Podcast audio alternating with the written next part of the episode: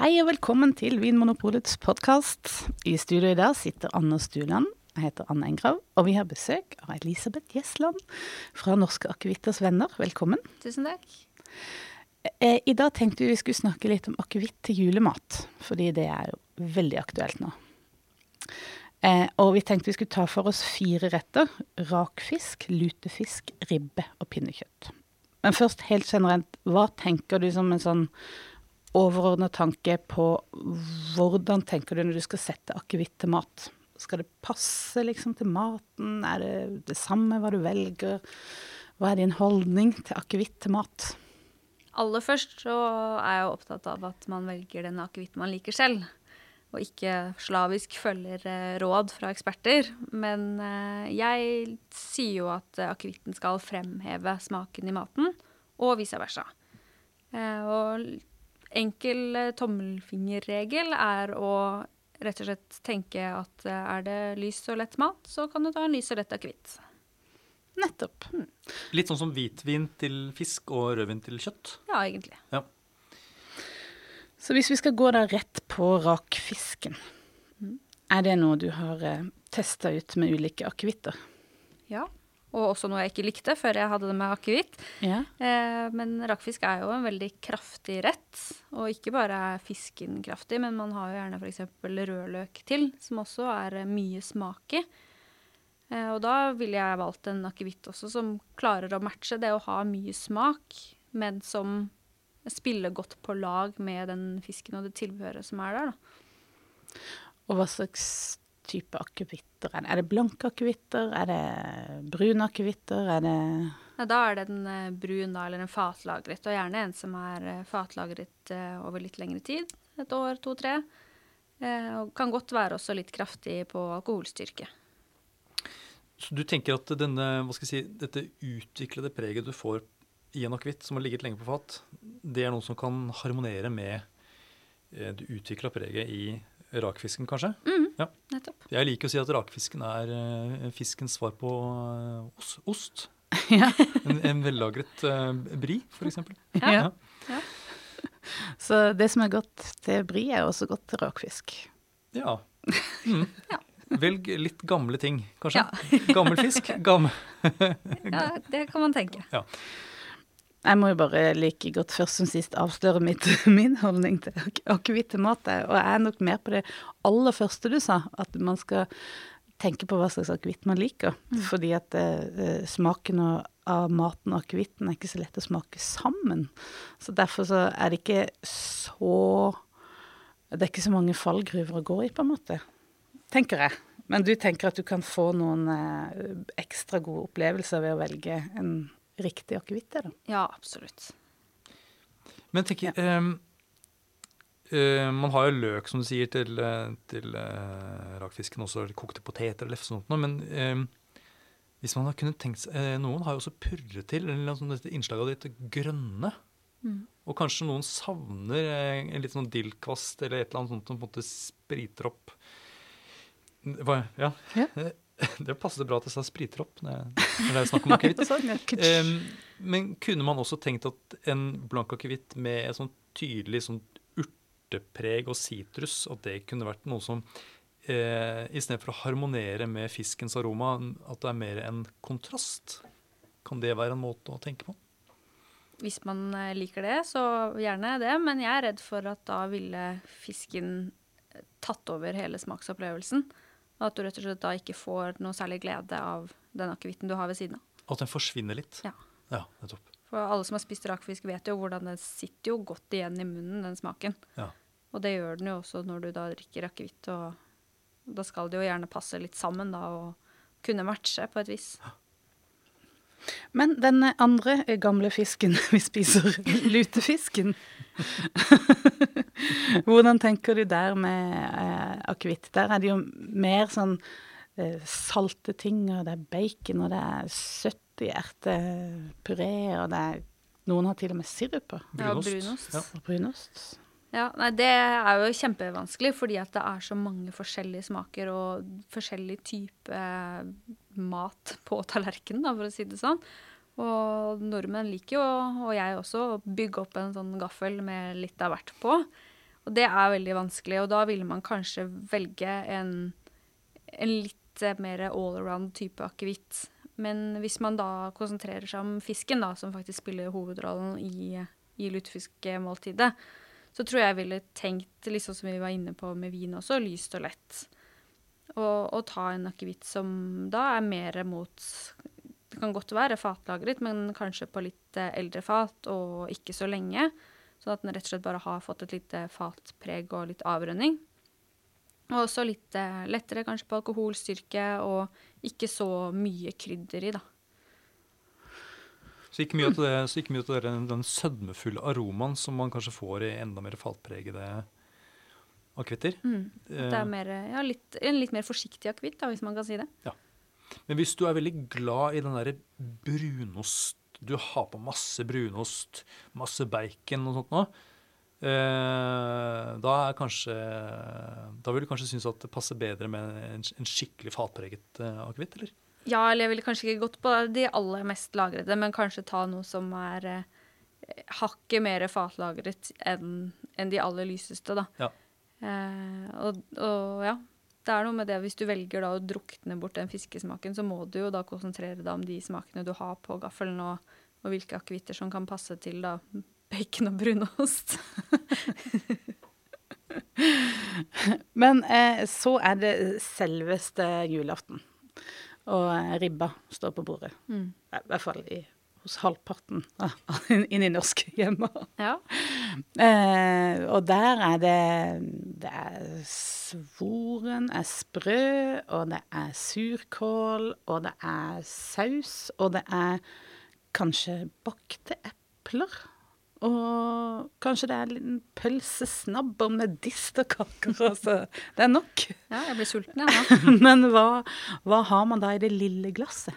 Ja, Det trenger jo ikke å være så lite heller, bare for å ha sagt det. Kan gjerne ha et sånn fint tulipanformet eh, glass. Mm. Eh, men eh, du nevnte surkålen, og i surkål så er det jo veldig ofte karve.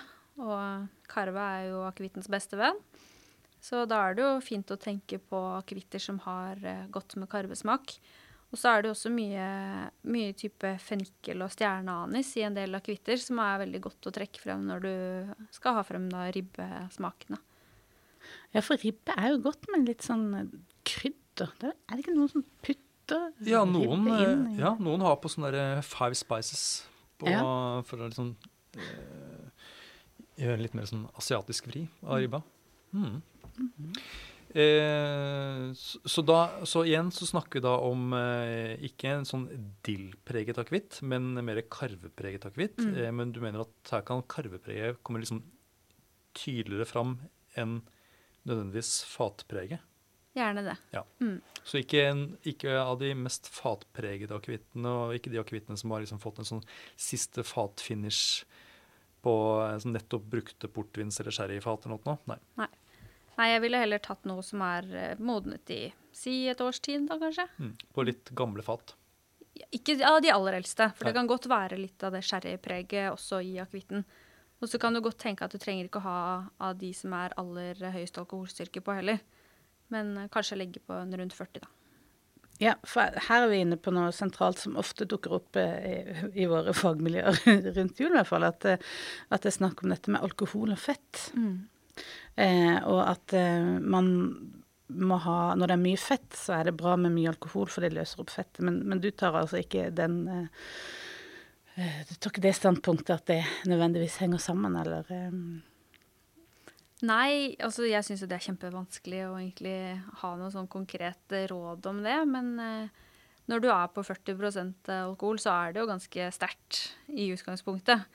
Eh, og mange vil jo kanskje mene at den akevitten er nødvendig for å ikke være dårlig dagen etter når man har spist et sånn heavy julemåltid. Og andre vil kanskje mene at det er det som gjør at du blir dårligere, da. det. Kan mange også mene. Men, eh, men, men da kan jeg avslå at jeg, jeg har jo hørt leger si det at eh, å drikke alkohol gjør at fordøyelsen fungerer dårligere. Mm. Eh, eh, og så har jeg også undersøkt med kjemikere, og de sier at eh, alkohol løser ikke opp fett. Så, på måte- så da er eh, Ja, for dette har vært en av de mytene som vi har gått inn i dybden på. eh. Ja, Men, eh, men, men eh, når vi har snakket sammen, eh, Elisabeth, så har ikke, du har ikke snakket om det at, at akevitt fungerer så bra til mat fordi det er så sterkt. Nei. Det, altså- det, Jeg tror det er vel litt sånn sitter igjen fra gammelt av at man tenker at man må, må ha den sterke alkoholen for å bryte ned fettet. Men eh, når det er sagt, så er det jo noen som mener at også karven har eh, en rolle i det her med å sette i gang fordøyelsen. Uten at jeg skal si om det er riktig eller ikke. Men eh, jeg tenker akevitt til mat og julemat først og fremst, først og fremst fordi det er godt. ja, og en tradisjon, kanskje. Ja, Eller er ikke tradisjon så viktig? Nei, vet du hva? Jeg syns det er veldig synd akkurat det der. Eh, fordi at mange har et veldig dårlig forhold til akevitt fordi at de har mer eller mindre blitt tvunget til å ha det i julen fordi det er tradisjon. Og jeg syns ikke man skal tvinge noen til å verken spise eller drikke noen ting bare fordi det er tradisjon. Men eh, at man tar frem akevitten til jul fordi det er tradisjon og nyter det hvis man liker det, det er jo helt tipp topp. Men så kan man jo også ha den på bordet i andre sesonger, selvfølgelig. Men nå er det snakk om jul. Nå er det snakk om jul. Ja, og da har vi jo én rett igjen. En, yep. en viktig rett, og det er ikke kalkun, men det er da pinnekjøtt. Pinnekjøttet. Disse små pinnene med kjøtt på. Og fett. Og fett. Da er vi på en ny smaksrik rett. Ja. Lagra og smaksrik. Og noe, noe av pinnekjøttet er røyka òg. Ja, hva, hva tenker du da? Hva drar, hvilke skyts drar du frem da? Altså, Pinnekjøtt er jo kraftig kost. Det er gjerne mye salt, og det er mye smak i det, det sauekjøttet. Eh, og ofte så er det jo da røket i tillegg, så det er, her er det mye smak som den akevitten skal kunne møte. Og da vil jeg gjerne bevege meg litt opp i, i styrken da, på, på akevitten. Og både når det kommer til fatlagring, at det er mye fat og, og de tonene som kommer fra fatet, men også høy alkoholstyrke. Og, og kraftig krydret, da. Mm. Men, og det som også kommer gjerne av at man har lagret lenge, det er jo også at det kommer en slags fatsødme. Og det passer jo da veldig godt til det tilbøret man har til pinnekjøttet, som den eh, kålrabistappen f.eks., som kan være i en mer søtlig retning. Da. Det er sant, den smaker litt søtt. Den gjør det. Ja, men eh, en ting jeg tenker på også, for at eh, eh, ofte når jeg drikker vin til mat, så har jeg jo et glass, og kanskje eh, si et vanlig vinglass, det er sånn kanskje 20 cm eller noe sånt. Mens når man drikker akevitt, så er det jo et mye mindre mengde man drikker. Har du noen sånn tips til hvordan man drikker akevitten på best mulig måte til maten? Er det noen sånn små slurker ofte, eller bånski på Ikke bånski. Uff, nei. Eh, nei, altså, jeg syns jo det er veldig godt å kunne ta litt sånn små slurker innimellom, og da er det jo gjerne i, i rekkefølgen litt mat først, og så kanskje en slurk øl, og så akevitt. Eh, og det er veldig viktig da, at man skal ha ølet først, og så akevitten, for man skal jo ikke akkurat skylle ned akevittsmaken heller, syns jeg, da.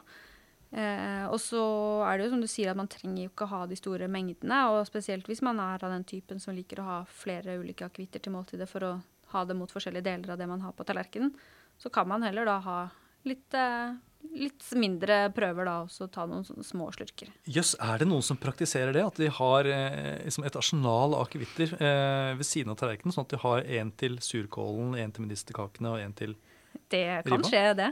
Det, det er noen av oss som, eh, som syns det er godt. Men når vi er inne på sånn nerding, da, som det, det blir jo det Ja. I vinverden så eh, holder jo vinfolk på med det at de har forskjellige typer glass til ulike typer vin. Altså En ting er sånn rødvin- og hvitvinsglass, men de har jo sånn til bestemte druetyper og vinstiler. Mm. Har, tenker dere om eh, glassakevitt på samme måte? At, det, at dere har spesielle typer glass til fatpregede og andre glass til eh, blanke og karvedill, norsk-svensk? Nei, altså jeg syns jo egentlig at det holder hvis man har et godt glass som det er god plass i. Eh, fordi at eh, akevitten den fortjener jo å få litt plass og, og få liksom snurring på glasset, sånn at du får ut gode aromaer. Og hvis du da sitter med sånn typisk shotglass, så er det jo veldig lett at han som sitter ved siden av deg, blir veldig våt hvis du da begynner å snurre på det glasset. Så et godt, eh, godt akevittglass har plass og gjerne litt sånn tulipanform. Og så er det jo litt fint med en sånn stett og, og sånne ting. Eh, og du trenger ikke å ha forskjellige glass til forskjellige akevitter. Jeg kan jo avsløre at jeg har vel i hvert fall fire-fem forskjellige typer akevittglass hjemme. Men det er ikke egentlig fordi jeg trenger det, men fordi jeg syns det er gøy. Det forventer jeg det.